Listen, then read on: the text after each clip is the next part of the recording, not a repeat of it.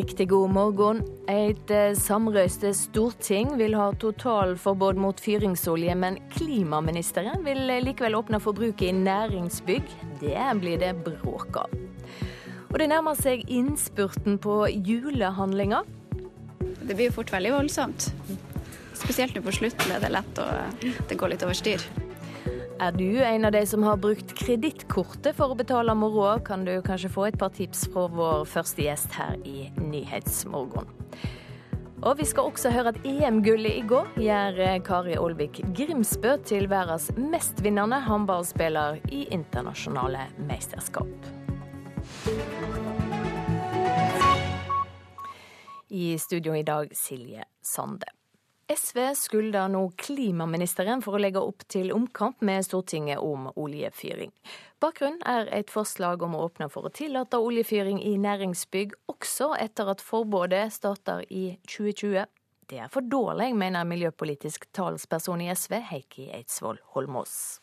Og jeg syns det er rart at Vidar Helgesen, som er klimaminister som har ansvar for å kutte klimautslippene i Norge, tar omkamp med et enstemmig storting som vil ha et totalforbud mot fyringsolje. Klimadepartementet har sendt ut forslag til regler i forbindelse med forbud mot vanlig oljefyring til oppvarming. Forbudet skal gjelde fra 2020. Hensikten er å kutte i klimautslippene. Men for næringsbygg har departementet to alternative forslag. Ett av dem åpner for bruk av oljefyring også etter 2020. Politisk rådgiver i Klimadepartementet, Jens Frølich Holte, forklarer. Det blir når det er så kaldt at det vanlige anlegget ikke holder, og at de må skru på det som er såkalt spisslast, altså den lille ekstra kraften de trenger for å holde varmen. Helt unødvendig, mener Heikki Holmås. Vi sier det motsatte. Vi mener at det skal være et totalforbud mot all bruk av fossil oppvarming. Dette er en no-brainer. Dette er det enkleste man skal gjøre for å kutte klimagassutslipp. Det er å slutte å fyre med fyringsolje og med gass, og istedenfor fyre med fornybare energikilder. Det mener også Venstres Ola Elvestuen. Ja, det er teknisk mulig. Det er nok av alternativer. Og det er det vi nå begår for. Forbudet vil gi et kutt i klimautslippene på gjennomsnittlig 340 000 tonn CO2 per år fram til 2035. Hvis næringsbygg får unntak, blir kuttet redusert til om lag 250 000 tonn. Anslagene er svært usikre. SV mener altså at klimaministeren tar omkamp med Stortinget i denne saken. Der er jeg helt eh, uenig med SV. Svarer Jens Frølich Holte. Stortinget har eh, enstemmig vedtatt at eh, vi skal fremme et forbud som også inkluderer de nødvendige unntaksmulighetene. Dette er et godt klimatiltak, men det er viktig at vi har gode utredninger rundt det, og derfor har vi sendt forslaget på høring. Spørsmålet er hvorfor det kan bli aktuelt med et unntak for næringsbygg. For det første så er det snakk om eh, store investeringer som har konsekvenser langt eh, inn i tid for de bedriftene det gjelder. Og så er det også snakk om at det er en, det er en drivende teknologiutvikling eh, på området. og Det er viktig at vi får inn mest mulig informasjon om dette når vi har høringen vår. Og så kommer vi til å se på høringssvarene og gjøre en beslutning basert på det. Reporter Katrin Hellesnes. Politiet i Oslo har pågrepet og varetektsfengsla ti personer i samband med seks grove voldshendinger i oktober og november. Flesteparten av de arresterte er i 20-åra, og de har ifølge politiet skapt utrygghet i hovedstaden. Det vi ser her er en av de våpnene som er brukt i forbindelse med den ene av voldssakene. Her er en machete som er ja, ca. 50 cm lang. Leder for innsatsgruppen på Grønland politistasjon i Oslo, Tor Erik Hoøen, viser oss en machete og en kniv, begge med blodflekker på seg. Det har vært eh, flere beslag av macheter, kniver, slagvåpen, flasker. Dette er bare noe av beslaget politiet har gjort i forbindelse med ti pågripelser av personer de mener var involvert i grove voldshendelser i hovedstaden de to siste månedene. Vi fikk seks alvorlige voldssaker i en kort tidsperiode på åtte dager. Eh, det var såpass alvorlige saker at vi satte ned et eh, prosjekt som bare jobba med de sakene her. De pågrepne er i alderen 18 til 30 år. Eh, de fleste er i nedre del av 20-årene. Er dette kjenninger av politiet? De fleste av de vi har pågrepet i saken er kjent for politiet fra før. Alle de pågrepne i voldssakene er siktet for grov kroppsskade eller medvirkning til det. Flere av twittermeldingene som politiet la ut i oktober, beskriver voldshendelsene. Én person knivstukket og én person trua med pistol ved en adresse på Tøyen. Vi er på et slagsmål ved Botanisk hage på Tøyen. En person har blitt slått med en flaske og blør fra ansiktet. En av de vi sto med, spyttet på og forsøkte å skalle til en politimann. En av de pågrepne må ifølge politiadvokat Linda Marie Robbestad sitte fire nye uker i varetekt. Vi mener at det er fare for at de vil, dersom de ikke sitter varetektsfengslet, eh, kunne prøve oss å påvirke bevis, bl.a. ved å f.eks. påvirke sentrale vitner i saken. Vi har også noen som sitter pågrepet eh, fordi at vi mener at det er fare for at de vil gjøre tilsvarende hendelser eh, igjen. Flere av de pågrepne har kjennskap til hverandre og er tilknyttet grønlandsområdet. Den intense etterforskningen av disse sakene er et ledd i politiets satsing på forebygging og bekjemping av denne type kriminalitet. Eh, vi vil fortsette å etterforske disse sakene med full styrke. Og spørsmålet om tiltale vil mest sannsynlig være avklart på nyåret. Og så vil flere av sakene kunne føres for retten i løpet av våren neste år. Og Forsvareren til den varetektsfengsla mannen vil foreløpig ikke kommentere saka. Reporter Edin Babic. Mange av oss bruker mye penger på julehandelen. Vi har akkurat lagt den siste handlehelga før jul bak oss. Flere av de vi traff på julehandel i Bodø i går, er uroa for pengebruken. Både sin egen og andre sin. Det blir fort veldig voldsomt. Spesielt nå på slutten er det lett å det går litt over styr. Ja, det går jo mye penger. Ja. Det gjør jo det. Jeg syns det blir for mye. Det gjør det absolutt. Det er første gangen vi er i byen og handler. Så det blir i dag, og så er vi ferdige. Jeg syns jo noen bruker horribelt mye penger til jul, mer enn hva egentlig nødvendig. Men det er jo forskjell på folk, som jeg pleier å si. Noen syns jo det er helt greit å bruke flere, flere, flere tusen, mens jeg prøver liksom å være litt prisbevisst. De får bare bruke mye penger de vil, men vi har i hvert fall trappa godt ned de siste årene og tatt det litt ned både på pris på julegaver og til oss sjøl. Dere har trappa ned, hvorfor det? Nei, for vi har det vi trenger ellers i året, så det er ikke noe grunn til å ta helt av for at det er jul. Hva bruker du pengene på nå? De siste julegavene og litt ekstra julepynt. Det blir jo stort sett mat og sånn, for kjerringa bruker, bruker, penger på gaven. Jeg slipper det, heldigvis. Det går nå i leker til de her tanteungene og klær og ja, turutstyr og Har du oversikt sånn cirka over hvor mye dere bruker? Nei, det har jeg ikke. Og det er ikke så interessant heller. Vi kjøper det vi trenger, sånn som ellers i året. Nei, jeg har ikke peiling på hvor mye det går. Har ikke anelse. Er sånn en rundt 12 000-15 000. Jeg har regna på det, og totalt så bruker vi vel en rundt 4000-5000 på alle julegavene. Så jeg syns på en måte ikke det er så gærent. Hvor ofte drar du kortet? Nei, det begynner vel å gå en mellom fem til sju ganger sikkert, tipper jeg nå i dag. Nå begynner jeg å nærme meg ferdig med julegavehandelen, så da det er greit. Reporter i Bodø, Bente H. Johansen. Og det er slett ikke uvanlig å å kjøpe julegaver på kreditt. Det har vært en økning på 13% på forbrukslån i Norge bare fra i fjor til i år. Forbrukerøkonom Hallgeir Kvadsheim, velkommen til Nyhetsmorgen. Takk skal Du ha. Du er kjent bl.a. fra programmet Luksusfellen. Mange i Norge har god råd. Hvorfor er det så mange som handler på kreditt? Bl.a. fordi at det er så tilgjengelig det å ta forbrukslån eller bruke kredittkortet der mange kanskje vegrer seg litt for å ta en tur til banken, som kanskje ville vært billigere, er litt flaue over det, så er det så lett å, å svare ja takk på en SMS fra en forbrukslånsbank, eller gå inn på annonsen på sosiale medier. Så det er veldig tilgjengelig. Annonseringen, markedsføring av disse, denne type kreditt er ekstremt tilgjengelig nå. Mye mer enn det var for bare to-tre år siden. Ja, Vi hører her folk er uroa for pengebruken, både sin egen og andres sin. Hva tror du er forklaringa på at vi bruker mer og mer? Ja, det er både tilgjengelighet, men også dette med at um, eh, en har kanskje ikke tenkt over andre alternativer til eh, hvordan en finansierer pengebruken. Og så er det sånn at Vi har jo hatt en økonomisk fest nesten i Norge. Så, I så måte har vi vært i særstilling i Europa de siste årene. Og mange føler at de har eh, liksom lov til å bli med på den, eller ønsker å bli med på den festen, selv om de selv kanskje ikke har hatt den største lønnsveksten. Og selv om de selv kanskje ikke eier egen bolig, og dermed heller ikke får ta del i boligprisveksten, så ønsker de, eller vil gjerne bli med på den la oss kalle det den kjøpsfesten som har vært de siste årene, og tar f.eks. kreditt nettopp for å klare det. Alternativ, hva finnes? Alternativene er som regel mye billigere, iallfall enn til forbrukslån. Eh, for det første, de som har et boliglån, kan som regel refinansiere det og øke det litt, istedenfor å tape et dyrt eh, kredittkort eller eh, forbrukslån. Da betaler en 2% kanskje istedenfor 15-20 i så fall så må man bare huske på at en skal tilbakebetale det også, eh, det du ekstra tar opp i boliglån, over det neste eh, år eller to. Hvis ikke så går vinninga opp i spinninga. Det vil si at du kanskje betaler ned det du har lånt opp på boliglånet på la oss si 25 år, istedenfor ett til to år, sånn som du vanligvis gjør med et uh, forbrukslån. Og da blir det jo nesten dyrere å ta opp et uh, boliglån. Men det finnes andre alternativer også. Iallfall i januar, som mange frykter vil bli en ganske hard måned, uh, for de har gått litt amok foran julehandelen. Så kan en be om forskudd på lønn, en kan be om forskudd på feriepenger eksempelvis.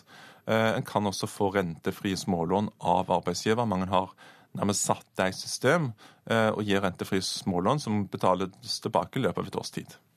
Hvem er den typiske personen som, som handler på kreditt? Det er vel en sånn som meg, da, som er iallfall mann rundt 40, eh, er den typiske kunden iallfall. Og eh, det er ikke sånn at eh, de nødvendigvis har så dårlig inntekt, fordi de må ha en ålreit inntekt for i hele tatt å få disse lånene. Så det er for så vidt et, stort spekter av folket, det her. Men mann 41 er vel kanskje den snittkunden. Er det lett å miste kontroll? Er det noe av problemet dersom en sjonglerer med flere kredittkort? Det er veldig lett å miste kontroll. Eh, ikke minst fordi at eh, disse bankene sjøl har gjort det så viselig at eh, når de sender ut fakturaen på det du har brukt, så foreslår de jo som regel alltid at du skal betale ikke hele beløpet, du skal betale et minimumsbeløp, som kanskje er 2-3 av utestående saldo, eller 200-300 kroner. Og Hvis du ikke er obs på det, og bare betaler dette, f.eks. at det går på e-faktura i nettbanken din, så blir jo den saldoen du har, bare eh, liggende og forrente seg og forrente seg. Og Den fella der er det veldig mange som går i. Og der er jo bankene passe sleipe. Så betaler så mye som mulig? Ja, så fremt du klarer det. Betal så mye du kan på akkurat den fakturaen, for da slipper du 15-20 og heller knipe igjen på andre typer betalinger. Husk det at du kan, hvis det, hvis det kniper i januar, så kan du jo dele opp fakturaen til strømselskapet, teleselskapet. Det er mange faste leverandører som syns det er helt greit at du betaler det du skal til deg over litt flere måneder. Takk for at du kom hit til Nyhetsmorgen, Hallgeir Kvadsheim. Eminent, skriver VG om de norske håndballkvinnene som tok EM-gull i går. Og håndballsigeren eh, preger flere av dagens aviser. Noras fantastiske gullkveld, skriver Dagbladet. Nora Mørk ble EMs toppskårer, EMs beste høyreback og banens beste i finalen der Norge vant gullet. Ikke rart hun gliste etterpå. EM-gull etter thrillerfinale, skriver Aftenposten. Norge vant sitt sjuende EM-gull i går, altså etter 30-29 i finalen mot Nederland. Bergens Tidende skriver om det som kan bli Terje Søviknes sin rikspolitiske comeback etter 15 år. Dette venter de seg av statsråd Søviknes, er Bergens Tidende sitt oppslag i dag. Avisa har snakka med flere hordalandspolitikere om at Os-ordføreren trolig blir ny oljeminister. Fedrelandsvennen har snakka med tre unge afghanere som forteller at det var et rop om hjelp da ei gruppe mindreårige asylsøkere nylig la seg ned på gata og stengte for trafikken i Kristiansand sentrum. Redsel for å bli returnert har skapt uh, uro. Det er vill vekst i handlegatene, forteller Dagsavisen. En fersk rapport fra Framtiden i våre hender viser en kraftig vekst i det private forbruket. Dagens Næringsliv skriver om et milliardfall for reialaget World's Wide Supply, som driver forsyningsskip. De seks skipene kosta 1,26 milliarder kroner i 2013. Nå er de takserte til 216 millioner kroner. Og Vårt Land skriver at kyrkja slår beina under seg sjøl når Fader vår og trosvedkjenning blir droppa i skolegudstjenester. En light-versjon er en dårlig løsning for alle parter, mener Human-Etisk Forbund. Kari Aalvik Grimsbø er med EM-gull i går, verdens mestvinnende håndballspiller i internasjonale mesterskap. Sammen med Linn Kristin Riggelhut Koren har den norske målvakta nå hele tolv medaljer. Og Grimsbø har mye av æra for at Norge til slutt vant kampen i går kveld. Kommer skuddet, og så redder Kari Aalvik Grimsbø! En melding til alle enheter! Grimsbøveien er stengt! Kari Olvik Grimsbø imponerte stort da hun kom inn etter pause og bidro sterkt til at Norge tok sitt sjuende EM-gull da de vant 30-29 mot Nederland i går. Fantastisk å ha fått lov til å være en del av det laget her og opplevd så masse. Det er et fantastisk eh, lag. Det er noen gode jenter og et fantastisk trenerteam. og det, det er utrolig stort for meg å få lov til å være her i dag. Olvik Remsbø tangerte med det Linn Kristin Riglut Korens rekord i antall medaljer fra mesterskap. Tolv medaljer totalt, ni gull, ett sølv og to bronse har hun i medaljeskapet siden debuten i EM for ti år siden. Og 31-åringen har lyst på mer. Jeg skal kjempe om å være på det nivået her så lenge jeg kan og ha kropp til det og er motivert. Så, så må vi se hvor mye det blir. Du er ikke mett? Jeg er ikke mett. Jeg, jeg har sagt tidligere, og jeg syns håndballen utvikler seg, og jeg utvikler meg fortsatt. Så det, jeg føler ikke jeg er klar til å gi meg ennå. Og Nora Mørk skårer tolv mål i finalen og ble toppskårer i EM. Reporter Fredrik Hansen. Hovedsaker her i Nyhetsmorgen når klokka er 6.49. Et militærfly med 39 mennesker om bord har styrta i Sibir. Bergen og Oslo vil ha flere pedagoger raskere inn i norske barnehager. SV skylder klimaministeren for å ta omkamp med Stortinget om forbud mot oljefyring.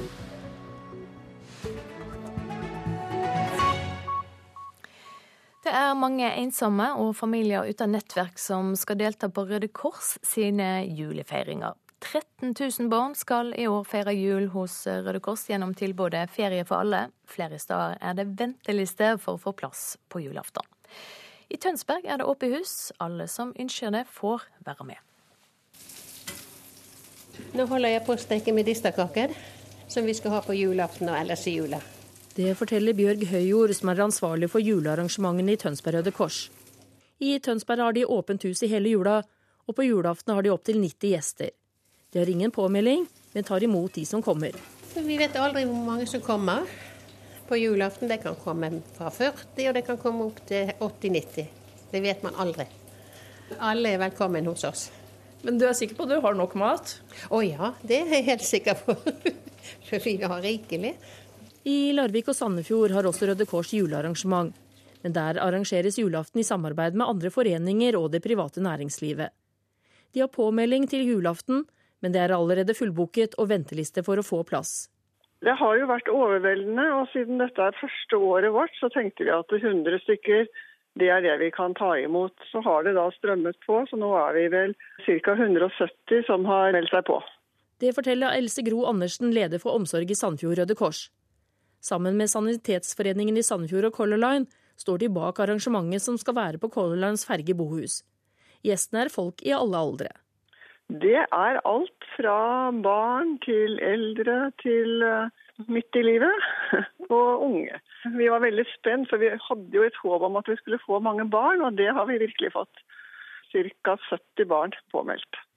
Andersen tror behovet er stort, fordi mange ikke har tette bånd til egen familie, eller er nye i landet uten stort nettverk. Det er jo veldig mange som lever alene i dag, så det har vel litt med det å gjøre. Og vi har også en del som er nye i landet som har meldt seg på, som sikkert er nysgjerrig på hvordan vi feirer jul og ønsker å delta på det.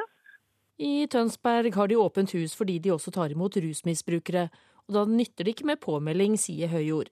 Men miksen av folk fungerer fint, forteller hun. Det går stille og rolig for seg, og vi sitter og prater sammen. Og... Nei, det går kjempebra. Men hva slags type julefeiring er dette her? Vi prøver å lage det så, så vanlig som mulig. At de kommer her klokken tre, og så får de gløgg og pepperkaker. Klokken fem så serverer vi middag. Da blir det juleribbe med tilbehør. Og riskrem til dessert. Og så er det da kaffe og kaker. Så kommer ordføreren og snakker litt med dem. Og så har vi nisse med gaver til alle. Reporter Aina Innreiten. En e-post som ser ut til å være et personlig brev fra Jens Stoltenberg, har skapt irritasjon. Brevet kommer fra bokhandlerkjeden Ark, og er reklame for den nye biografien til Nato-sjefen. E-posten er undertegna med Stoltenberg sitt navn. Rektor ved Høgskolen Kristiania, Trond Blindheim, mener ARK prøver å lure folk. Det er ikke et brev fra Jens Stoltenberg til Trond Blindheim. Han har ikke tenkt et sekund på meg når jeg fikk dette brevet. E-posten som bokhandlekjeden Ark har sendt ut til sine kunder, og som bærer Jens Stoltenbergs underskrift, åpner slik. Kjære Trond. I år har jeg gjort meg ferdig med noe jeg aldri har gjort før. Jeg har skrevet bok. Det er en selvbiografi der jeg med egne ord forteller om mitt liv.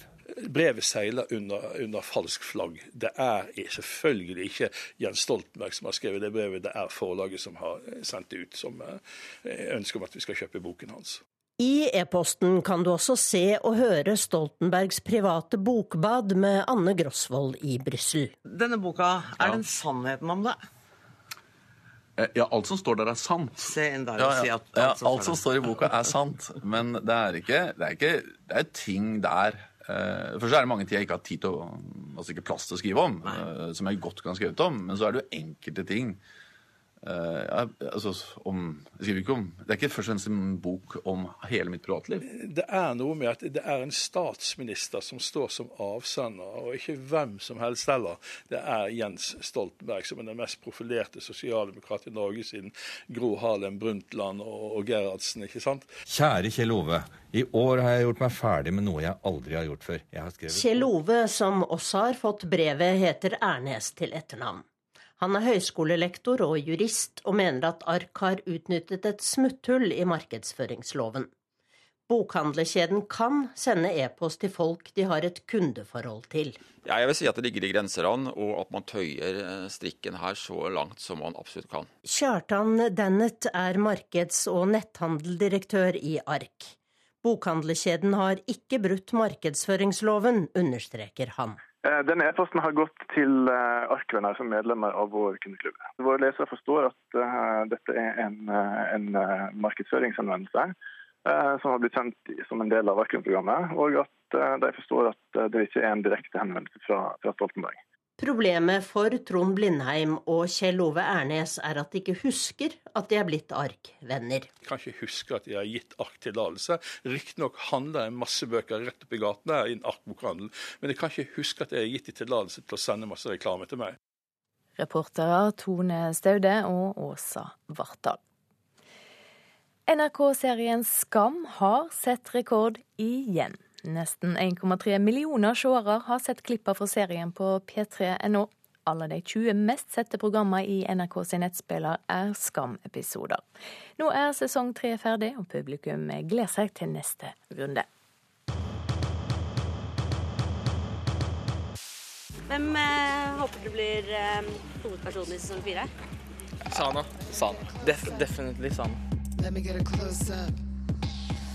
er hun der Emma. Jeg tror kanskje Sana. Eskil. Madi.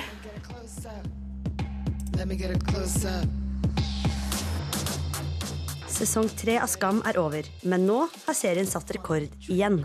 Vi har hatt eh, nesten 1,3 millioner unike brukere inne på eh, Skam p3.no i forrige uke. Og det er jo en ny rekord for, eh, for serien. Det sier Håkon Mosleth, redaksjonssjef i P3.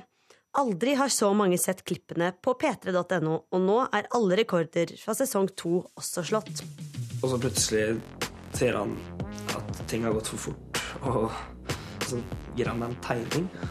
Og jeg tenker da, ok, kult. Jeg sender han melding 'takk for tegningen', men da svarer han ikke. Det er jo vanvittig gøy, rett og slett. Det har vært et, eh, vært et eventyr. Vi starta 2016 med at Skam var en serie som knapt nok var omtalt i norske media. Ikke helt under radaren i den første sesongen, og traff et ungt norsk publikum. Så ble den oppdaga av, eh, av media og av et, stort norsk publikum i løpet av vinteren og våren. Og blitt et, eh, ble et skandinavisk fenomen i sommer og tidlig på høsten. Og nå det, har vi de siste par månedene hatt eh, fans over hele verden, så det er jo helt, helt fantastisk. Jeg har med en julegave til deg. Til meg? Hva er det? Åpne, da. Og selv om mange venter på sesong fire, vil ikke Mosleth avsløre noen ting riktig ennå. Når er det sesong eh, fire kommer?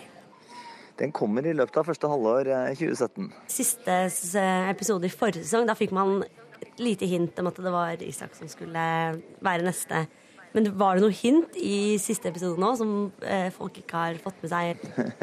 Vi må se, se det om igjen, da. Det kan hende det ligger noen hint der. Reporter Mari Sand Malm. Og hvor mange som så siste episode på NRK TV, blir klart senere i dag. Så et eh, værvarsel. Østafjells får skyer eller delvis skya opphold. Lokal skodde. Vest i fjellet kan det komme litt regn eller yr i ettermiddag og i kveld. Vestlandet sør for Stad litt regn eller yr, særlig nord for Bergen. Utover ettermiddagen litt regn også lenger sørover. Sørlig liten kuling på kysten nord for Bergen, opp til sterk kuling ved Stad. Møre og Romsdal og Trøndelag får sørvestlig liten til stiv kuling på kysten. Perioder med regn eller yr, særlig fra i ettermiddag. Nordland og Troms sørvestlig kuling langs kysten. Fra i ettermiddag sterk kuling enkelte steder nord for Vestfjorden, men minkende igjen utover kvelden. Regn mye av tida. Også Finnmark får øke til sørvestlig kuling utsatte steder utover dagen. I kveld sterk kuling på kysten i vest. Regn som brer seg østover gjennom fylket. Først på dagen kan det være regn som fryser på bakken. Og på Spitsbergen blir det sørøstlig kuling utsatte steder og snø. Så har vi temperaturene målte for tre timer siden. Svalbard lufthavn minus sju. Kirkenes minus fem. Vardø to. Alta null. Tromsø-Langnes fire. Bodø og Brønnøysund åtte. Trondheim-Værnes fem. Bergen-Flesland sju. Stavanger seks. Kristiansand-Kjevik null. Gardermoen og Lillehammer minus tre. Røros minus to. Oslo-Blindern minus én grad.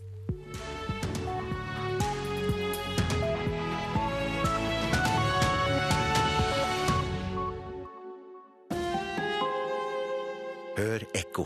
Presidenten ringte. Donald Trump tok telefonen. Og så ble det bråk. Selv en gratulasjonshilsen fra Taiwan var for mye.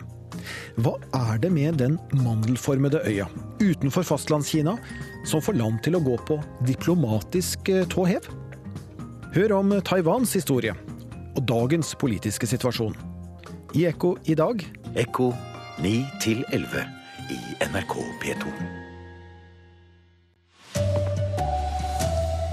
Biltyver og folk uten førerkort står for over 10% av dødsulykkene i trafikken. SV beskylder klimaministeren for å ta omkamp om forbud mot oljefyring. Her er NRK Dagsnytt klokka sju. Over 10% av dødsulykkene i trafikken skyldes folk som kjører uten førerkort eller med stjålet bil eller motorsykkel. Det viser en gjennomgang Transportøkonomisk institutt har gjort av 1800 dødsulykker på norske veier fra 2005 til 2014. Og mange av de som kjører uten førerkort opptrer også risikabelt på andre måter, sier forsker Fridulf Sagberg. Det er ikke bare det at de kjører uten førerkort, men en veldig høy andel eh, av disse førerne de er også rusa. Eh, veldig mange av dem har hatt veldig høy fart i forbindelse med ulykkene. Så hvis vi ser på fart og rus eh, til sammen, så utgjør det over 80% av dødsulykkene med førere uten førerkort.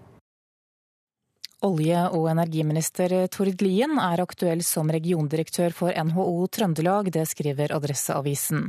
Avisen får bekreftet at Lien går av som statsråd i morgen.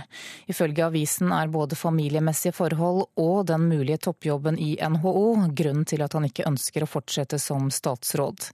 I tillegg til Lien så går også justisminister Anders Anundsen av i statsråd i morgen, etter det både NRK og andre medier erfarer.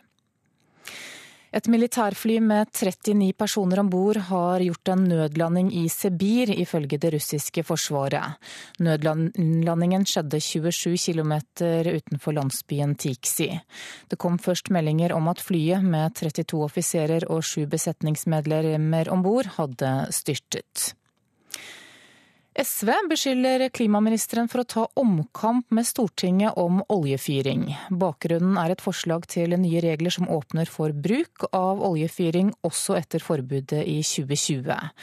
For dårlig, mener SVs miljøpolitiske talsperson Heikki Holmås. De er ikke offensive på klimapolitikken. Vidar Helgesen er jo ikke en klimaminister når han ikke klarer å gjøre det aller, aller enkleste, nemlig å kutte ut oljefyr. Da er han en oljefyrminister istedenfor. Politisk rådgiver Jens Frølich Holte i Klimadepartementet er helt uenig med SV. Han viser til at Stortinget har vedtatt å be om regler som inkluderer nødvendige unntaksmuligheter.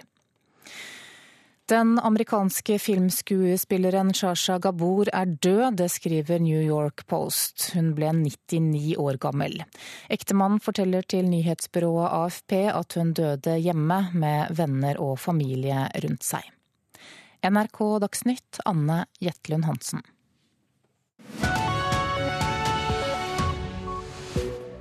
Her i Nyhetsmorgen blir det mer om det er mange som kjører rundt på veiene uten å ha lov til det. Utrykningspolitiet skal straks få fortelle hva de gjør for å stoppe de farlige sjåførene.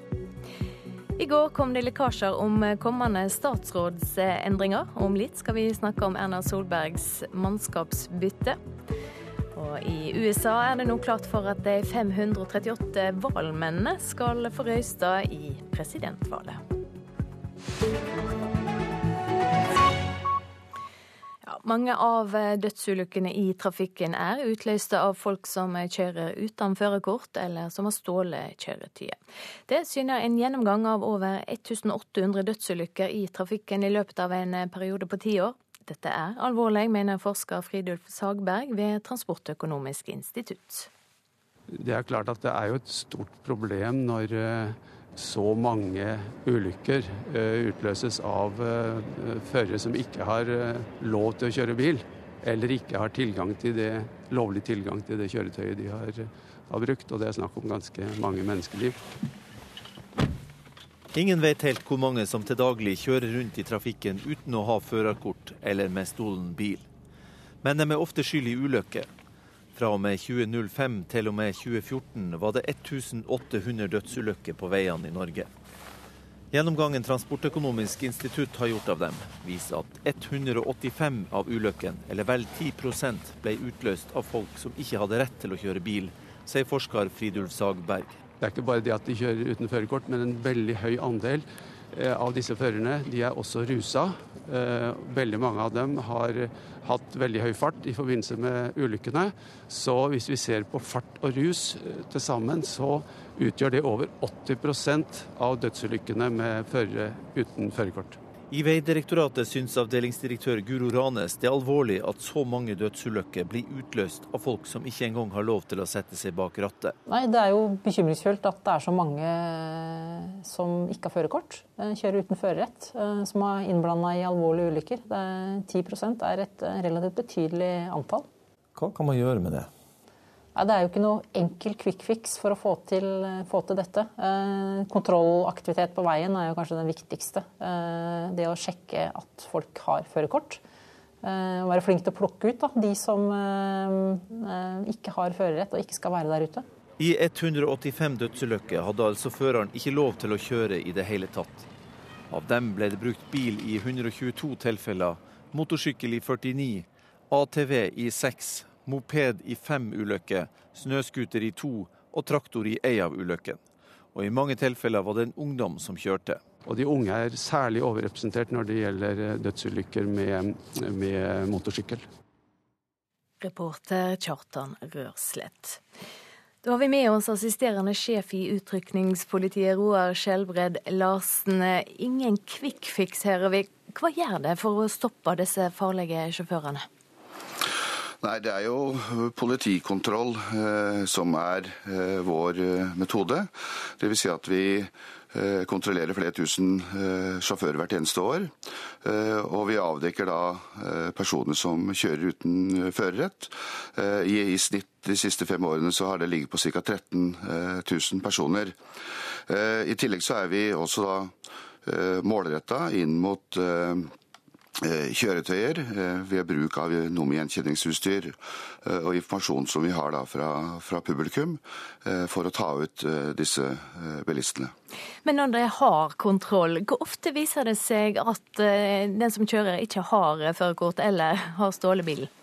Som jeg sier, da, så kontrollerer politiet og utrykningspolitiet flere 100 000 sjåfører hvert eneste år. Og av disse så er det årlig da 13 000 som ca.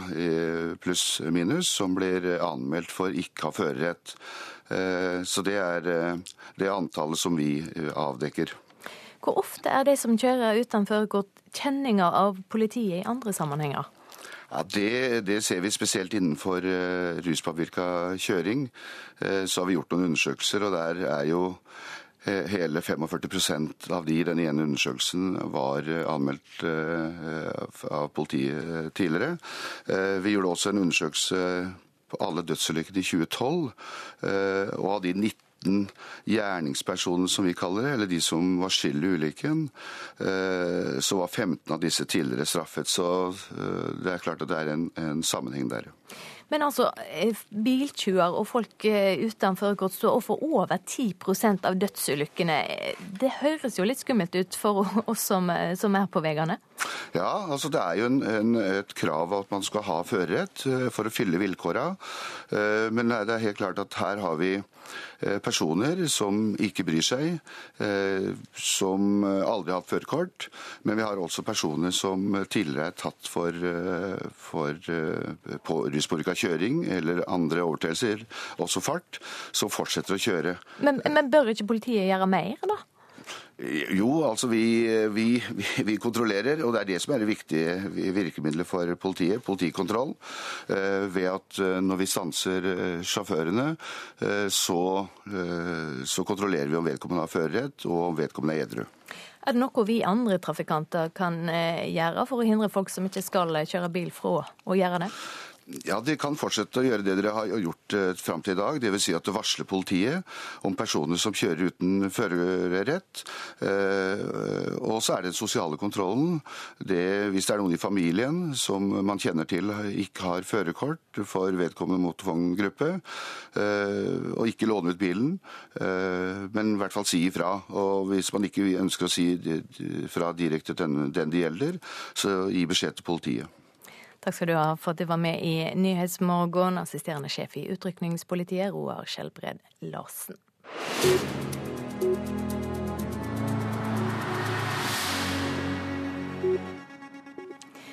Så skal det handle om omrokeringer i regjeringa. For eh, Anders Anundsen er på vei ut og skal erstattes av eh, statssekretær Per-Willy Amundsen i samme departement. Olje- og energiminister Tord Lien skal skiftes ut med ordfører i Os kommune, Terje Søviknes.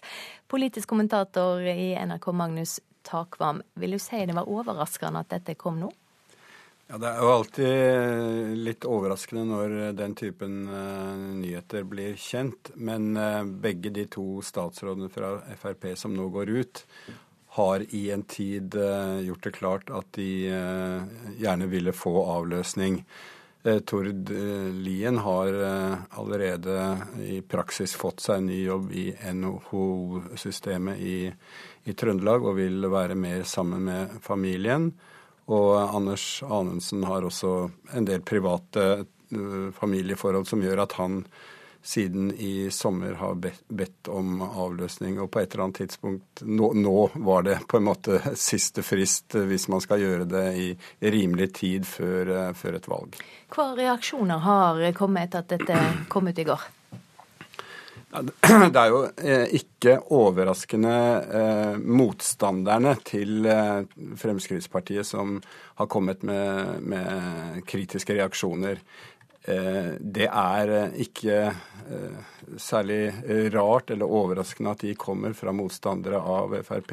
For f.eks. partiets nye justisminister Per-Willy Amundsen har jo tidligere hatt kontroversielle uttalelser både om eh, klimaspørsmål og om, eh, om, forhold som berører hans nye felt, justis, om Schengen-tilknytning osv. Ja, vil det svekke han videre?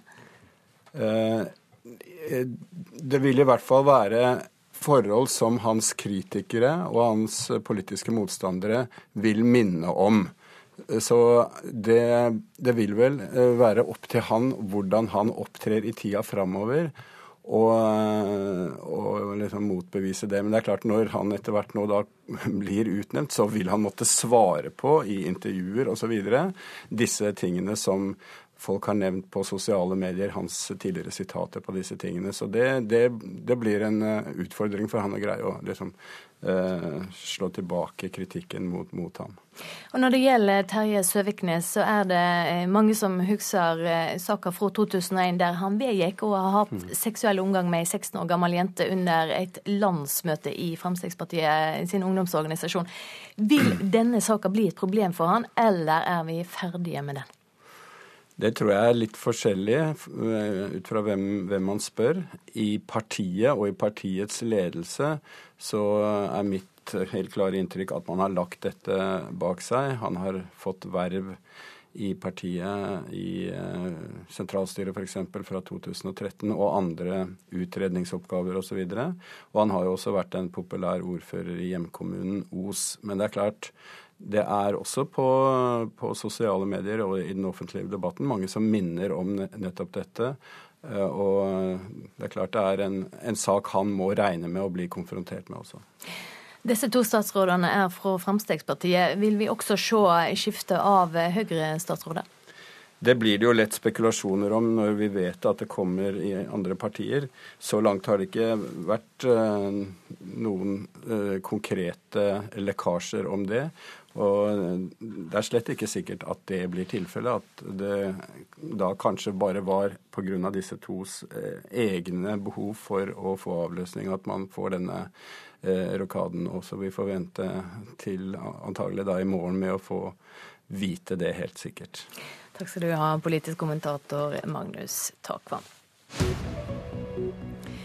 Hovedsaker her i Nyhetsmorgen og klokka straks er 7.15. Mange av dødsulykkene i trafikken skyldes folk som ikke har førerkort, eller som har stjålet kjøretøyet. UPB folk om å varsle dersom de vet om at andre kjører uten å ha førerkort. Straks skal vi høre at Bergen og Oslo vil ha flere pedagoger raskere inn i norske barnehager.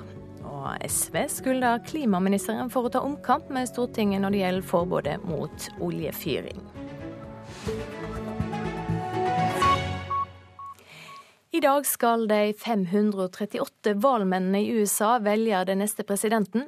I utgangspunktet virker utfallet klart, for med 306 valgmenn fra statene som Donald Trump vant, skal det mye til for å ta fra han sigeren. Likevel pågår det en kampanje for å få republikanske valgmenn som ikke liker Trump, til å skifte side. Etter at systemet med valgmenn og indirekte valg ble innarbeidet i Grunnloven i 1787, har det bare skjedd to ganger at flere enn én valgmann har opptrådt troløst og stemt mot valgresultatet i sin hjemstat, og såkalt troløshet har aldri endret resultatet. Men det har heller aldri hendt at en kandidat med over 2,8 millioner flere stemmer enn konkurrenten, slik Hillary Clinton har nå, har tapt kampen om valgmannskollegiet. President Obama mer enn antydet sist fredag at ordningen er foreldet. The Electoral College is a vestige. It's a carryover from uh, an earlier vision of how our federal government was going to work that put a lot of premium on states. Valgmannskollegiet er en overlevning fra en tid der visjonen for den føderale regjeringen la større vekt på delstatene, sa Obama. Hver stat har like mange valgmenn som de har representanter i Kongressen. Bl.a. fordi alle stater har to senatorer hver, teller én stemme fra en liten stat langt mer enn en stemme i store stater som California og New York. Stemmer fra landsbygda teller også mer enn stemmer fra store byer. Det favoriserer republikanerne. Dette bryter med prinsippet om likhet, om én mann, én stemme, mener jusprofessor Lawrence Lessig fra Harvard. Han viser til at Grunnloven ikke sier noe om at vinneren av valget i en delstat skal ha alle valgmannsstemmene, slik 29 av statene krever ved lov. Lessig oppfordrer derfor valgmennene til å gjenspeile stemmefordelingen i hver stat. Um, reflecting the votes of the people in their state. And if they did, um, I think that would be enough to make it so that the winner in, uh, in January uh, will, uh, will be Hillary Clinton. Hvis de stemmer slik folk i staten deres gjorde, ville vinneren være Hillary Clinton, sier Lessig. Men så langt har bare én republikansk valgmann sagt at han ikke vil stemme på Trump. To andre republikanske Trump-motstandere vil overlate sine plasser til Trump-lojalister. Og veien fram til de 37 republikanske valgmennene som trengs for å hindre at Trump blir president, er lang. 6.1 vil resultatene bli lest opp for en samlet kongress, og få tviler på at vinneren blir Donald Trump. Groholm, Washington. Vårin Alme, statsviter og kommentator på nettstedet amerikanskpolitikk.no, velkommen til Nyhetsmorgen. Vi har snakka mye om valgmenn under eh, valgkampen i USA, og hvor viktig, eh, det, hvor viktig det var for kandidatene å sikre seg flest eh, mulig. Hva betyr det egentlig at disse valgmennene skal røyste? Nei, altså Normalt så er jo dette da en begivenhet som forbigår litt i stillhet, i og med at det bare er en formalisering av det valgresultatet fra november som vi allerede kjenner. Men så er det da to faktorer i år da, som gjør det litt mer spennende enn normalt. Og det er da, som Gro Holm nevnte, at Hillary Clinton har fått nesten tre millioner flere stemmer enn Donald Trump. Og det tallet fortsetter bare å vokse. Eh, og så er det det at de siste dagene og også månedene har vi sett avsløringer om eh, innblanding i det amerikanske valget fra da det som virker å være russisk hold. Eh, og det har fått eh, opp mot 70 valgmenn da til å be om en sikkerhetsbrifing for eh, å få vite om dette faktisk kan da ha, har påvirket valgresultatet. Det har de fått avslag på, men det er, jo, det er jo to grunner til at man nå begynner å lure på om, om valgmennene kommer til å da være troløse. Men sannsynligheten for at nok valgmenn gjør det, er jo liten. Ja, Opptellinga er klar 6.1. Kan vi vente oss overraskelser? Sannsynligheten er liten. Eh, det er en teoretisk mulighet. Men for det første må da 37 eh, valgmenn altså stemme imot eh, sitt eget parti og valgresultatet i sin egen delstat. Og i tillegg så er det jo heller ikke bare en opplesning i, i Kongressen 6.1. Det er jo også en, en opptelling og en godkjenning. Det skal bare én stemme til for å da for å da utfordre f.eks. et resultat fra en stat eller fra en, en, valgmann. Og Kongressen er jo nå rød, så, så, sannsynligheten for at de da kommer til å, å gå inn for liksom en Hillary Clinton-seier, er liten. Altså hører vi En republikansk valgmann fra Texas har sagt at han ikke vil røyste på Donald Trump. Kan han la være å gjøre det? Ja, og, og, det er ingenting i Grunnloven som sier at de må stemme med sitt eget parti, og altså med sin egen delstat. Og i, i 21 delstater så har du ikke straffer for, for, å gå imot dette valgresultatet. Det har du i 29 stater, men da, da er det milde straffer. Um, så vi har jo sett tilfeller før eh, der valgmenn har stemt imot sin egen stat, men det har aldri før da endret hele valgresultatet.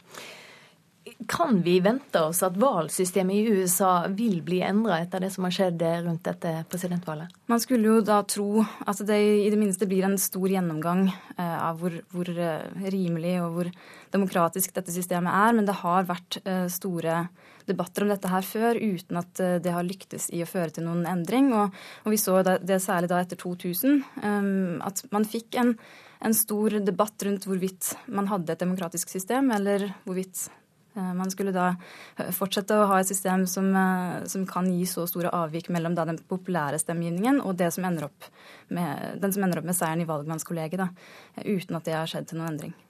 Så det er all grunn til å tro at det blir Trump? Ja. Nå er dette et år der det, det umulig har skjedd, men, men likevel. Takk for at du kom hit til Nyhetsmorgen, Vårin Alme.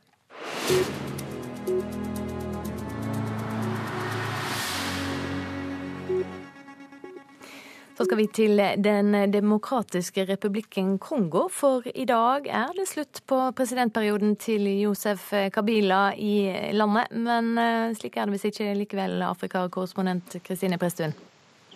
Nei, det er ingenting som tyder på at eh, Kabila vil respektere grunnloven her og trekke seg fra makten. Og han har jo da også klart å utsette det valget som skulle vært eh, holdt i høst. Hvorfor vil ikke Kabila trekke seg?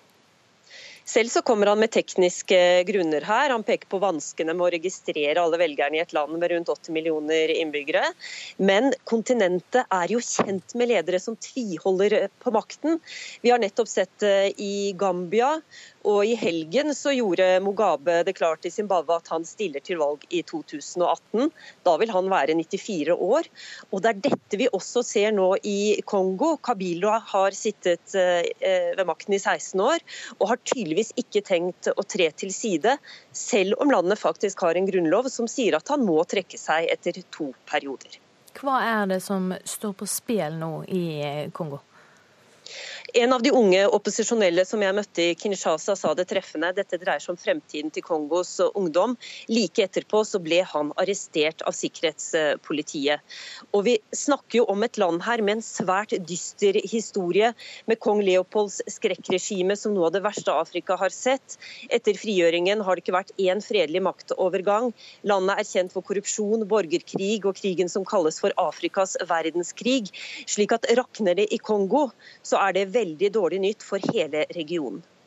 Er det forsøk på gang for å få til en slags løsning på, på dette? Ja, absolutt. Den katolske kirken, som har stor makt i Kongo, er inne og forhandler her mellom regjeringen og opposisjonen. Og Klarer de å komme fram til en klar uttalelse om når det skal holdes valg, ja da er trolig mye gjort. Men forhandlingene har så langt ikke ført uh, fram. Det er en pause i disse forhandlingene nå, og de skal gjenopptas uh, på onsdag. Hva kan da skje i dag? Folk har tatt til gatene før i år, har blitt møtt med dødelige kuler fra politiet. Det samme kan skje i dag. Og det er også knyttet spenning til hva de væpnede opprørsgruppene øst i landet vil gjøre. Myndighetene har faktisk stengt sosiale medier, de har i hvert fall varslet at de skal gjøre det. Eh, stenge Facebook og Twitter. Noe som jo viser at de nettopp frykter hva ungdommen kommer til å gjøre i dag. Om de vil ty til gatene. Og spørsmålet da er hvordan politiet vil møte disse demonstrantene. Takk skal du ha så langt, Afrikakorrespondent Kristine Presttun. Eminent, skriver VG om de norske håndballkvinnene som tok EM-gullet i går. Håndballsigeren preger flere av dagens aviser. Noras fantastiske gullkveld, skriver Dagbladet. Nora Mørk ble EMs toppskårer, EMs beste høyreback og banens beste i finalen, der Norge altså vant gullet. Ikke rart hun gliste etterpå. EM-gull etter thrillerfinale, skriver Aftenposten. Norge vant altså sitt sjuende EM-gull i går etter 30-29 i finalen mot Nederland. Bergens Tidende skriver om det som kan bli Terje Søviknes sin, eh, sitt eh, rikspolitiske comeback etter 15 år. Dette venter de seg av statsråd Søviknes, er eh, avisa sitt oppslag i dag. De har snakka med flere hordalandspolitikere om at Os-ordføreren trolig blir ny oljeminister. Fedrelandsvennen har snakka med tre unge afghanere som forteller at det var et rop om hjelp da ei gruppe mindreårige asylsøkere nylig la seg ned på gata og stengte for trafikken i Kristiansand sentrum. Redsel for å bli returnert har skapt uro. Det er vill vekst i handlegatene, forteller Dagsavisen. En fersk rapport fra Framtiden i våre hender viser en kraftig vekst i det private forbruket. Stor helsefare er overskrifta i Nordlys. Det handler om blyfunn i området rundt skytebanen i Tromsdalen. Trolig vil ei opprydding koste over 200 millioner kroner. Havnedommen er ikke til å leve med, sier Lise Christoffersen til Klassekampen. Hun reagerer på Høyesteretts avgjørelse om at EØS-avtalen trumfer havnearbeiderne sin rett til å bruke boikott i tariffkamp. Dommen griper direkte inn i avtaleverket, sier Arbeiderpartipolitikerne. Det er ny optimisme i byggebransjen i Stavanger-området, forteller Stavanger Aftenblad. Det ligger føre planer om bygging av 3200 nye bosteder i Sandnes og Stavanger. Og Vårt Land skriver at kyrkja slår beina under seg sjøl når Fader vår og trosvedkjenning blir droppa i skolegudstjenestene. En light-versjon er ei dårlig løsning for alle parter. Det mener Human-Etisk Forbund.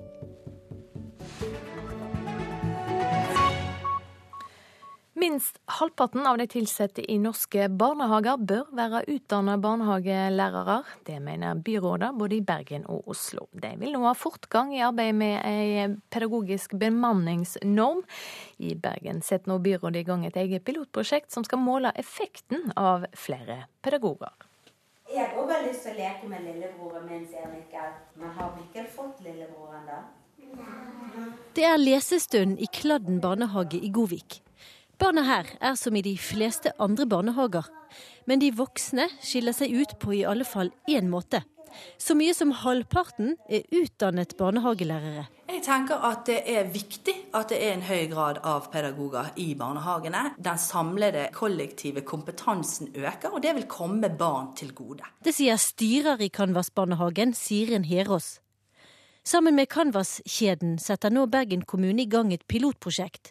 De vil finne effekten av flere pedagoger i barnehagene. Den tiden er nå kommet hvor vi er nødt til å løfte debatten om kvaliteten i barnehagene. Det sier skolebyråd Pål Hafstad Thorsen. Han ønsker en nasjonal regel om såkalt pedagogtetthet, altså hvor mange pedagoger det skal være i norske barnehager. Jeg tenker Det handler mye om kvalitet. Vi vet at eh, kompetente ansatte løfter kvaliteten i barnehagene. Oslo vedtok i høst en bemanningsavtale for kommunale barnehager. Den innebærer både økt voksentetthet og at minst 50% av de ansatte skal være utdannet barnehagelærere. Skolebyråd Tone Tellevik Dahl mener regjeringen bør se til Oslo og Bergen og kreve flere pedagoger også i andre norske kommuner. Jeg syns faktisk kunnskapsministeren må være litt mer proaktiv på de yngstes eh, vegne. Men regjeringen mener det er for tidlig med en såkalt pedagognorm nå. Det sier statssekretær i Kunnskapsdepartementet Magnus Thue. Den pedagognormen på, på 50% den eh, vil jo forutsette at det faktisk er barnehagelærere tilgjengelig. Det vil ta tid å fase inn den før man kan komme dit. Det vi sier er at vi må se både bemanningsnorm og pedagognorm og ressurssituasjonen for øvrig i, i sammenheng. Nå skal vi ta et første steg og sende ut en bemanningsnorm, forslag til bemanningsnorm på høring våren 2017. Hvordan skal vi pakke inn en lillebror? I en eske. Canvas-barnehagene har lenge hatt som mål at 50% av de ansatte skal være pedagoger. Styrer Sirin Herrås mener det er et gode for barna. Det krever bare en litt annen organisering. Og her i Kladden har det ikke vært et problem å få tak i nok pedagoger. I vår så hadde vi en stilling utlyst, ett års vikariat, eh, og da hadde vi rundt 50 søkere på, på, den stillingen. Så det viser at det er mange flotte, kompetente barnehagelærere der ute som eh, ikke har eh, jobb, men som er klar for å gjøre en innsats for god kvalitet i barnehagen. Reporter her, det var Siri Løken. Anne Jetlund Hansen er straks klar med Dagsnytts i hovedsending 7.30. I reportasjen etter det skal vi høre at flere enn 1000 iranske soldater har mista livet i Syria i kampen eh, i borgerkrigen der på president Assad si side. Produsent for Nyhetsmorgen i dag, Marte Halsør. Her i studio, Silje Sande.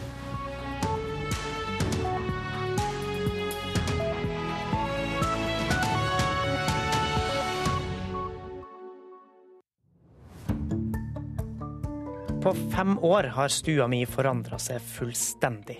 CD-ene er borte. DVD-spilleren som ble ødelagt, ble aldri erstatta. 100 kanaler på kabelen viker stadig for en av mine mange dyre strømmetjenester. Det var fem år bakover. Om vi ser fem, eller enda verre, ti år fram i tid? Hør Kulturhuset klokka 13 på NRK P2.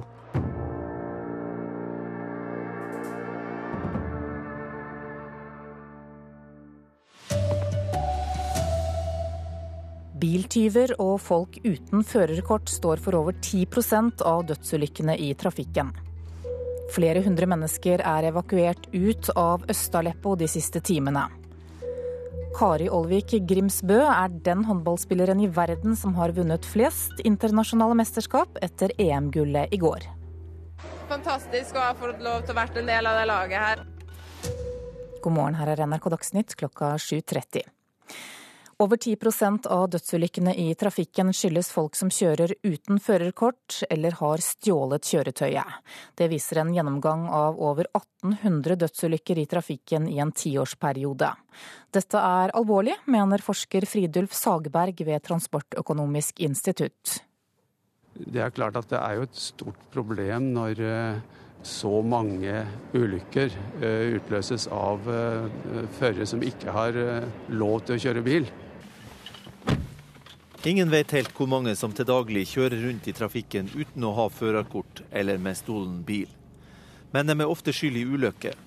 Fra og med 2005 til og med 2014 var det 1800 dødsulykker på veiene i Norge.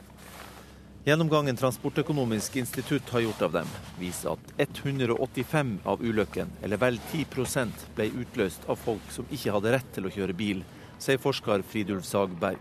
En veldig høy andel av disse førerne de er også rusa. Veldig mange av dem har hatt veldig høy fart. I Vegdirektoratet syns avdelingsdirektør Guro Ranes det er alvorlig at så mange dødsulykker blir utløst av folk som ikke engang har lov til å sette seg bak rattet. 10 er et relativt betydelig antall. Hva kan man gjøre med det?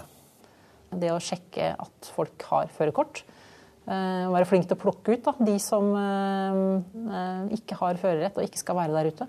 I 185 dødsulykker hadde altså føreren ikke lov til å kjøre i det hele tatt. Og de unge er særlig overrepresentert når det gjelder dødsulykker med, med motorsykkel.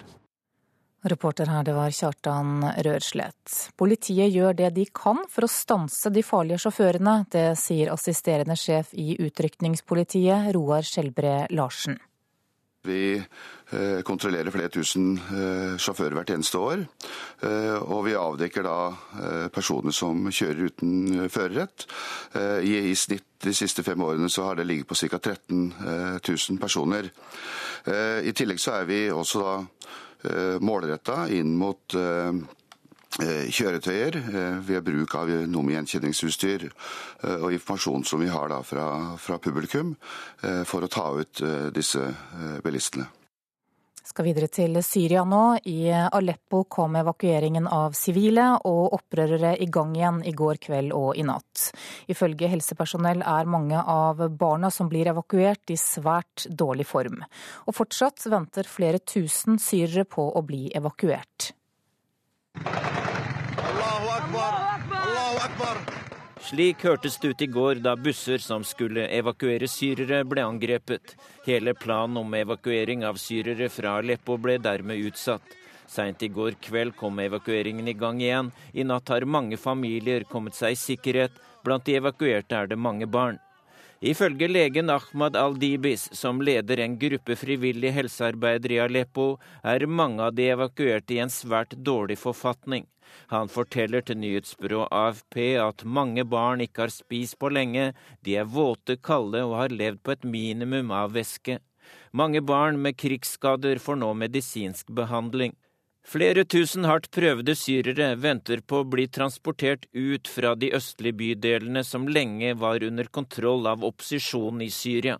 Disse områdene har vært under et intenst angrep fra syriske bakkestyrker og russiske fly over lang tid. Og det sa reporter Dag Bredvei. Her hjemme har det vært en enorm vekst i det private forbruket de siste tiårene. Det viser en rapport utarbeidet av Framtiden i våre hender. I 1988 så ble det importert litt over 23 700 fjernsynsapparater til Norge. I fjor var tallet mellom 1,1 og 1,2 millioner. Forbrukerøkonom Hallgeir Kvatsheim mener de høye boligprisene er en viktig forklaring på det høye forbruket. Forbruksveksten har vært ganske voldsom her i Norge. Og det er fyrt opp av for høye boligpriser og en forholdsvis god lønnsvekst, og ikke minst lave rente. Dagsavisen omtaler i dag rapporten Den store forbruksfesten av framtiden i våre hender, som baserer seg på tall fra Statistisk sentralbyrå. Importen av TV-er til Norge tilsvarer en økning på over 4800% også importen av klær er mer enn doblet. Det samme er importen av kosmetikk, hud- og hårpleieprodukter. 60% av alle klimautslipp skyldes nå privat forbruk, men Hallgeir Kvadsheim mener trenden er vanskelig å snu. Det er nesten en sånn økonomisk tyngdekraft. Det. det er vanskelig å snu den. Men det er klart i Norge har vi hatt en mye større forbruksvekst enn det, det har vært i andre typer land. Ifølge rapporten skyldes utviklingen både at befolkningen vokser, at flere trenger hvert sitt TV-apparat fordi flere bor alene, og at det er flere yrkesaktive enn tidligere. Framtiden i våre hender ønsker seg momsfritak på reparasjoner av ting for å få forbruket ned. Kvadsheim tror på sikt at flere kan komme til å benytte seg av den slags tjenester. Det kan godt være at den trenden snur, og at vi vil betale litt mer og gå litt oftere til både skreddere, skomakere og andre, og sykkelreparatører ikke minst, som reparerer istedenfor bare at vi bytter ut nye ting. Reporter her var Kristine Næss Larsen. SV beskylder klimaministeren for å ta omkamp med Stortinget om oljefyring. Bakgrunnen er et forslag til nye regler som åpner for bruk av oljefyring også etter forbudet i 2020. Det er for dårlig, mener SVs miljøpolitiske talsperson Heikki Holmås. de er ikke offensive på klimapolitikken. Vidar Helgesen er jo ikke en klimaminister når han ikke klarer å gjøre det aller, aller enkleste, nemlig å kutte ut oljefyr. Da er han en oljefyrminister istedenfor. Men politisk rådgiver Jens Frølich Holte i Klimadepartementet er helt uenig med SV. Han viser til at Stortinget har vedtatt å be om regler som inkluderer nødvendige unntaksmuligheter. NRK-serien Skam har satt rekord igjen. På én uke har nesten 1,3 millioner sett klippene fra serien på p3.no. Samtidig er alle de 20 mest sette programmene i NRKs nettspiller Skam-episoder. Og nå som sesong tre er ferdig, så er tilhengerne klare for neste sesong. Hvem eh, håper du blir eh, hovedpersonen i sesong fire? Sana. Sana. Def definitely Sana. Jeg tror kanskje Sana. Eskil. Madi. Sesong tre av Skam er over, men nå har serien satt rekord igjen. Vi har hatt uh, nesten 1,3 millioner unike brukere inne på uh, Skam p3.no i forrige uke. Og det er jo en ny rekord for, uh, for serien. Det sier Håkon Mosleth, redaksjonssjef i P3. Aldri har så mange sett klippene på p3.no, og nå er alle rekorder fra sesong to også slått. Og så plutselig ser han at ting har gått for fort, og så gir han en tegning. Det er jo vanvittig gøy, rett og slett. Det har vært et, uh, vært et eventyr. Når er det sesong eh, fire kommer? Den kommer i løpet av første halvår 2017. Eh, Siste episode i forrige sesong, da fikk man et lite hint om at det var Isak som skulle være neste. Men var det noe hint i siste episode nå som eh, folk ikke har fått med seg? Vi må se, se det om igjen, da. Det kan hende det ligger noen hint der. Ja, reporter her, det var Mari Sand Malm. Kari Aalvik Grimsbø er med EM-gullet i går, den håndballspilleren i verden som har vunnet flest internasjonale mesterskap. Sammen med Linn Kristin Rigelhut Koren har den norske målvakten nå hele tolv medaljer totalt. Og Grimsbø imponerte mange i EM-finalen mot Nederland i går. Kommer skuddet, og så redder Kari Aalvik Grimsbø! En melding til alle enheter! Grimsbø-veien er stengt! Kari Olvik Grimsbø imponerte stort da hun kom inn etter pause og bidro sterkt til at Norge tok sitt sjuende EM-gull da de vant 30-29 mot Nederland i går. Fantastisk å ha fått lov til å være en del av det laget her og opplevd så masse. Det er et fantastisk eh, lag. Det er noen gode jenter og et fantastisk trenerteam. og det, det er utrolig stort for meg å få lov til å være her i dag. Olvik Remsbø tangerte med det Linn Kristin Riglut Korens rekord i antall medaljer fra mesterskap. Tolv medaljer totalt, ni gull, ett sølv og to bronse har hun i medaljeskapet siden debuten i EM for ti år siden. Og 31-åringen har lyst på mer. Jeg skal kjempe om å være på det nivået her så lenge jeg kan og har kropp til det og er motivert, så, så må vi se. Ja, det sa Kari Olvik eh, Grimsbø. Og Nora Mørk ble den store spilleren i finalen i går med tolv mål. Hun ble dermed toppskårer i EM. Eh, e Reporter her, det var Fredrik Hansen. Ansvarlig for NRK Dagsnytt er Arild Svalbjørg. Her i studio Anne Jetlund Hansen.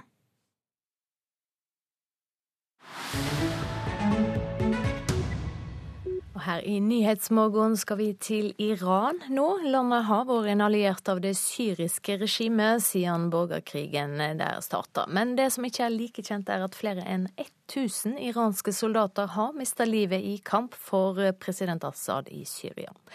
Sissel Wold har møtt en iransk familie der enka og tre sønner sitter igjen etter å ha mista en ektefelle og en far for ti måneder siden. Da jeg gikk opp trappene og døren åpnet seg inn til familien Farsane, forberedte jeg meg på et tungt besøk.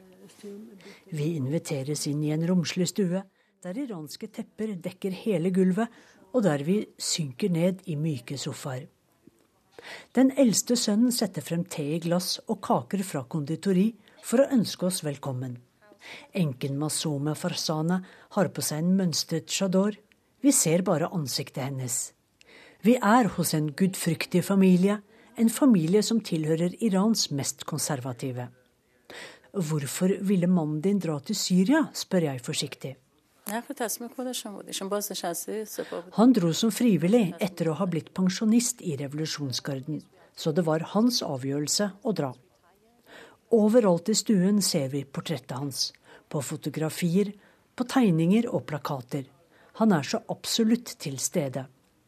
Også Ayatollah Khomeini og øverste leder Ali Khamenei ser på oss fra veggene, der de er innrammet. Masume og mannen giftet seg da de begge var 18 år. For ti måneder siden skilte de lag da han dro til Syria, 52 år gammel. Men syntes hun ikke det var trist at han dro? Jeg støttet ham fullt ut. Vi deler den samme religionen, sier enken. Hun motsa ham ikke, selv om parets venner ba henne om å ikke la han dra. Hun legger til. Jeg ville selv dratt for den samme kampen. Der det finnes urettferdighet, må vi kjempe for rettferd, forklarer den religiøse kvinnen. Hun har en styrke og en vennlig ro som overrasker meg. Sørger hun ikke?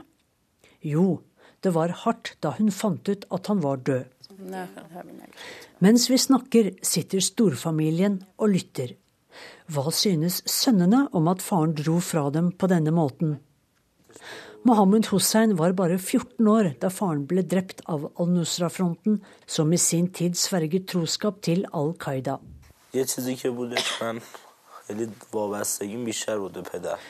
var så knyttet til far, jeg var så glad i ham, forteller sønnen. Dagen han døde, husker Mohammed Hussein godt. Men så spurte mor meg om hva jeg ville trodd eller tenkt om jeg hørte at far var blitt martyr. Jeg svarte at det hadde gjort meg veldig glad, siden det var fars drøm å bli martyr. Ønsket hans var å få det bedre i det neste livet. Mens Mohammed Hussein snakker, går det opp for meg at denne familien ikke tynges av sorg. De er glade på farens og ektemannens vegne. Men er det ikke vondt for deg å miste faren din så tidlig, spør jeg, som har litt tungt for å forstå dette. Nei, hvorfor skulle vi være lei oss? Når vi vet at han er lykkelig, da er vi også lykkelige på hans vegne, svarer tenåringen.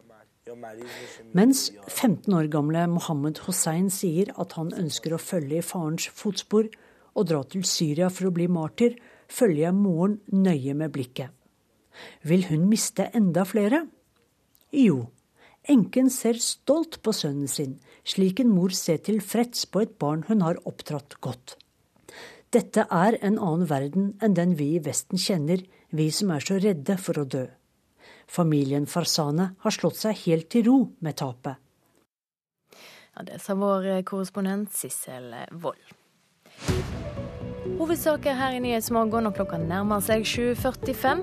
Biltyver og folk uten førerkort står for over 10% av dødsulykkene i trafikken. UP ber folk om å varsle dersom en vet om folk som kjører ulovlig.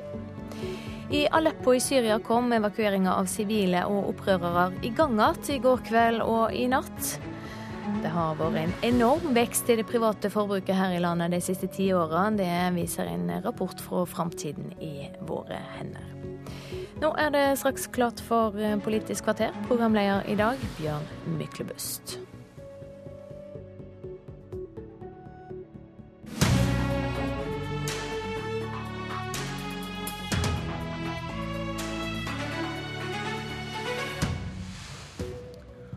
Opposisjonens hylekor synger julen inn i morgen. Da blir Per-Willy Amundsen og Terje Søviknes statsråder for Fremskrittspartiet. Og hva sier den indre opposisjonen? Jeg får besøk av Høyre, som vil advare Frp mot klimaomkamp. Dette er Politisk kvarter, og vi som klødde oss i hodet for hva vi skulle fylle sendingene med den døsige uken før julaften. Vi har fått en pakke fra Frp som kan åpnes, men ikke før i morgen og vi skal kjenne litt på den med vår egen kommentator Magnus Takvam og politisk redaktør i Dagens Næringsliv, Kjetil Alstaheim. Velkommen. Takk. Per-Willy Amundsen, justisminister. Terje Søviknes, olje- og energiminister. Alstaheim, hva, hva kan grunnen være for å gjøre disse endringene? Eh, når det gjelder Tord Lien, så forstår jeg det slik at han eh, har eh, sagt fra for noen måneder siden til Fremskrittspartileder Siv Jensen at han ønsket å, å reise hjem til familien i Trondheim. Så, så det, det, virker som det er en, en frivillig valgt avgang. Når det gjelder Anundsen, så vet jeg ikke, Der sies det litt ulike ting. Men han er jo også på et vis på vei ut av, av politikken i at han ikke ønsket gjenvalg til Stortinget. Vi går inn i en, et valgkampsår snart, og det er vel to statsråder som kanskje ikke har vært de mest synlige, Takman? Nei, altså det er jo alt, ulike vurderinger av det. Amundsen, Anundsen har jo hatt en del eh, veldig krevende saker. Eh, mulla Krekar og tidligere denne asylbarnsaken osv. Debatten om beredskap eh, som har vært eh, krevende. Men for hans del så blir det også bedyret at det er, det er han personlig som har har bedt om dette for en stund siden. Eh, så noe informasjon om akkurat det utover det, det dere snakket om, har ikke jeg heller. Per-Willy Amundsen som justisminister, det virker som mange ble ganske overrasket over det. Ja, han har jo vært en kontroversiell eh, politiker både på innvandringsfeltet og, og på klimafeltet. Han er en klar eh, klimaskeptiker eller klimafornekter. Eh, samtidig har, jo, har, det jo nå vært veldig fredelig rundt ham i de drøyt tre årene han har vært statssekretær i Kommunal- og moderniseringsdepartementet. Han har ikke tvitret noe som helst siden august 2013. Eh, så, men, eh, så, så, de som nå finner frem, refererer til ting han har sagt tidligere, og, tidligere Twitter-meldinger bl.a., så er det jo fra den tiden han var i opposisjon. Så hva, hvordan han vil eh, mens, mens, han da som statssekretær har jo vært, eh, vært veldig stueren, kan du si. Og, og da, da, har det blitt trukket fram at eh, det er sola, ikke menneskene, som påvirker klimaet. Han har skrevet at vi trenger et nytt korstog, som to eksempler. Og vil den type uttalelser forfølge han i en ny jobb? Ja, Han vil i hvert fall bli konfrontert med det når han nå eh, må stille opp til ulike intervjuer. Eh, og da vil han bli eh, bedt om å, og selvfølgelig svare på om han fremdeles står for disse standpunktene. Og det er klart, det vil være en, en nokså politisk krevende øvelse å liksom hevde at man fullstendig har forlatt det man sa for, for et par år siden. Så det blir opplagt en utfordring. Så er det også slik at man vil jo da i sånne situasjoner si at man eh, er statsråd på regjeringens eh, plattform og, og står bak FrPs program osv. Så videre. sånn at eh, det vil være en krevende greie i en periode nå, gitt at han takler det noenlunde greit så, så, kan det sikkert uh, løse seg. Men det er, uh, det er, noe som Dersom det dukker opp saker i dette feltet for hans del, så, så, er det klart at da vil det bli grepet til Da kan hans fortid igjen spille en rolle hvis det oppstår saker som, som berører dette. Det var en som skrev på Twitter i går er dette et forsøk på å roe ned høyresiden i Frp ved å kaste til dem et bein. Hva tenker dere om den fløykampen og analysen, og lese Per-Willy Amundsen inn i den? Eh, han kan helt klart leses inn i, i en sånn fløyanalyse, for det er jo ulike krefter i Fremskrittspartiet. Vi ser det ikke minst eh, på klimaområdet. Eh, men du kan si de har jo fått et kjempebein med, med Sylvi Listhaug nå. Og hun har vist at hun har tatt den, den posisjonen som statsråd. Så det er jo altså, Om de to skal sitte i samme departement og konkurrere om å skape mest mulig kontrovers, så vil jo det bli en, en tung belastning for, for, Høyre som regjeringspartner. Altså, det viser vel, vil jeg tro, at uh, Frp, uh, når de velger sine statsråder, gjør det på helt selvstendig grunnlag, og at det er et det er en realitet at det er ulike strømninger i det partiet, og det må reflekteres også i, i statsrådsbemanningen. Og Erna eh, Solberg hun eh, sier bare tommel opp eller tommel ned? Ja, hun må jo akseptere altså, gitt, eh, altså, hun må akseptere disse. Hun er statsminister og må alltid godta de statsrådene som blir oppnevnt. Men det er jo opplagt ikke et grep for å, for å skal vi si, please sentrumspartiene, i hvert fall dette her. Man har ikke hatt den typen eh, begrunnelse for å velge nettopp de to. Det var ganske overraskende for de aller fleste, særlig dette med Per-Willy Amundsen. Terje Søviknes, ny olje- og energiminister. Det var kronprinsen som ble felt av en sexskandale. Og hvorfor eh, tror du Siv Jensen velger å ta inn Søviknes? Hun har ønsket ham tilbake i rikspolitikken eh, lenge. Han kom inn i sentralstyret igjen i 2014. Eh, så hun har jo ønsket det. Eh, og han, har, han er jo en annen type enn en Amundsen. Han er jo en praktiker i lokalpolitikken.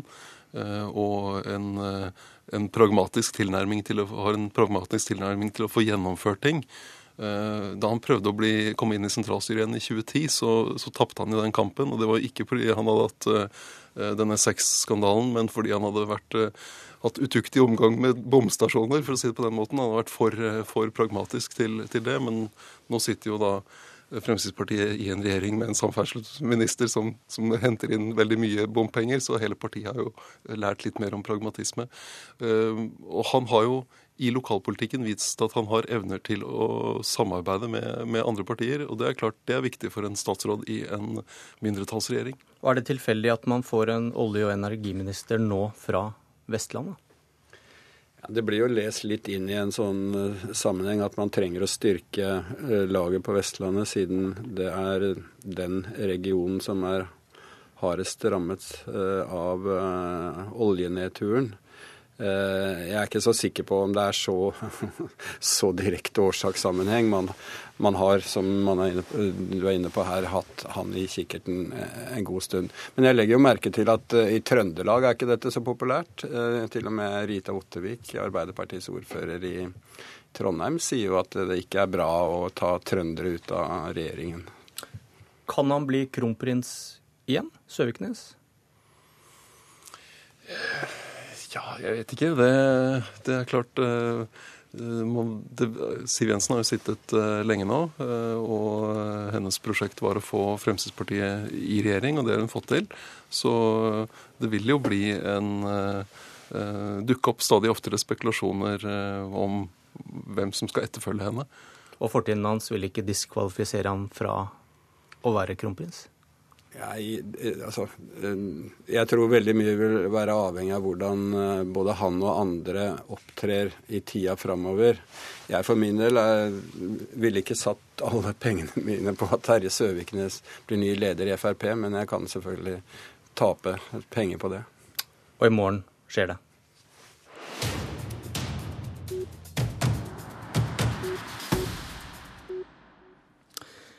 Velkommen, Henrik Asheim, stortingsrepresentant fra Høyre. Takk for det. Er det greit hvis en statsråd ikke tror at utslipp fra mennesker fører til farlige klimaendringer? Ja.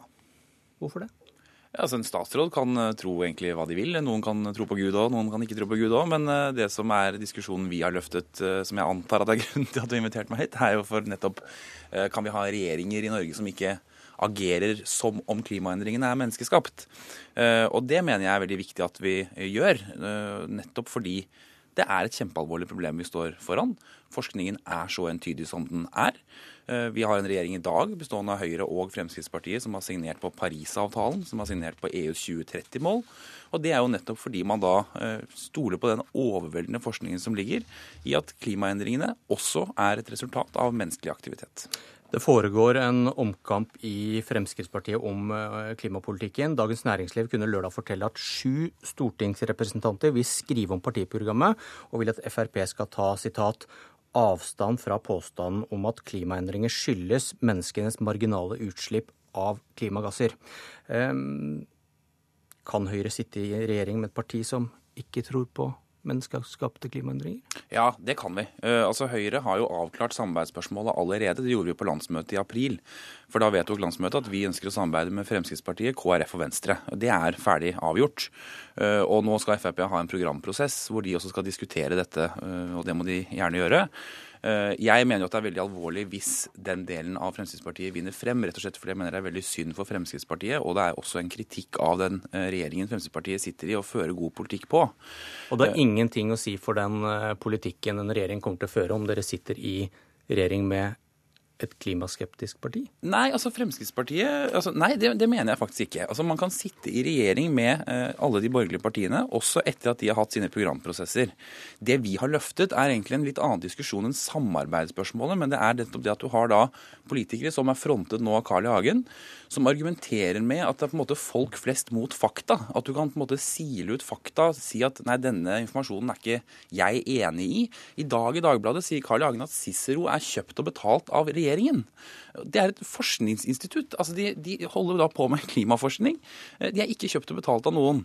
Og da blir det en sånn uh, litt sånn Trump-aktig argumentasjon, som er at jeg ser hva fakta sier, jeg ser hva forskerne sier, men jeg liker det ikke, og jeg velger å tro noe annet. Men i, i dagens Frp-program så står det Frp forholder seg til at forskning viser at menneskelig aktivitet påvirker klimaet, men understreker samtidig at det hersker stor usikkerhet om hvor mye dette utgjør i forhold til naturlige klimavariasjoner. Og det står at det mangler forskning på dette. Og de holder det altså helt åpent om menneskelig aktivitet er farlig for klimaet. Og er dette i tråd med FNs klimapanels konklusjoner og det du mener er da sannheter, som du sier her? Nei, det er det ikke.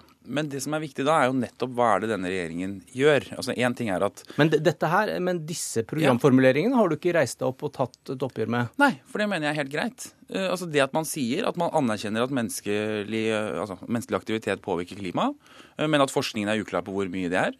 Det er helt greit. Faktum er at vi sitter i en regjering som både har signert på Parisavtalen, EUs 2030-mål Jeg tror folk har fått med seg at det har vært en viss diskusjon på borgerlig side om klimatiltak denne høsten, selv om vi har prøvd å kanskje skjule det. Men det har jo vært på tempo, nivå og tiltak. Men da er det jo helt, eh, helt irrelevant da, om de endrer programmet. Hvorfor reiser du deg nå når de skal endre programmet, når du ikke protesterer mot dette? Men jeg har ikke sagt det. Altså, jeg har sagt at Fremskrittspartiet kan ø, diskutere og vedta hva de vil i sine program. Det jeg sier, ø, og som jeg mener egentlig er ganske innlysende, det er at når vi har en regjering regjering som har signert og forpliktet Norge for mange år fremover på klimatiltak, så er det veldig vanskelig å se for seg at vi har noen som helst regjering, uansett hvem det er som sitter i den, som baserer seg på at klimaendringen ikke er menneskeskapt. For hvis du mener det, så må du si opp Parisavtalen, og så må du melde deg av EUs kvotesystem, og så må du ta konsekvensen av det. Men mener du at FrPs program og holdning ikke har noe å si for hvor store kutt som ligger i neste års budsjett f.eks.? Ja, det mener jeg. Virkelig. Det budsjettet vi har lagt frem nå vi, vi, har i hele høst hørt om bilpakken som ikke åpnes, at det er Venstre og Frp som slet med å bli enige. men det hadde ingenting med synet på klima å gjøre? Nei, altså det budsjettet som vi har vedtatt nå, er det grønneste budsjettet Norge noensinne har vedtatt. Ja, men det var ikke spørsmålet. Så hvis Høyre og sentrumspartiene hadde hatt rent flertall, mm. så hadde det ikke blitt noe større kutt enn med Frp på lasset? Altså, frem, nei, det, det, mener jeg helt oppriktig. Altså, Fremskrittspartiet, Fremskrittspartiet har i regjering vært en pådriver på veldig mange av de tiltakene. Det de har vært opptatt av, og det har jeg stor forståelse for, det er at ikke man bruker for høye avgifter for raskt på folk flest. Og Det tror jeg vi har blitt funnet ganske god balanse på. Men faktum er at hvis du ser på hva vi har gjort på politikk, enten det er energimeldingen som ble lagt frem før sommeren, enten det er de forpliktelsene vi har gjort, de kuttene vi har gjort sammen med KrF og Venstre, så er jo det et, et parti av fire borgerlige partier som er med på veldig ambisiøs klimapolitikk. Ok, eh, Vi har spurt ledelsen i Frp om å komme hit i dag, men fikk ikke svar. Vi har også spurt Christian Tybring-Gjedde, som står i spissen for dette nye forslaget. da. Han eh, ville ikke diskutere før, eh, før programkomiteen har vurdert det. Det er mange klimaskeptikere i Høyre også, sier Tybring-Gjedde. Vet du om noen? Nei. Jeg gjør ikke det, altså. Men det, det, altså, Høyre har 30 000 medlemmer, så det er helt sikkert noen der ute.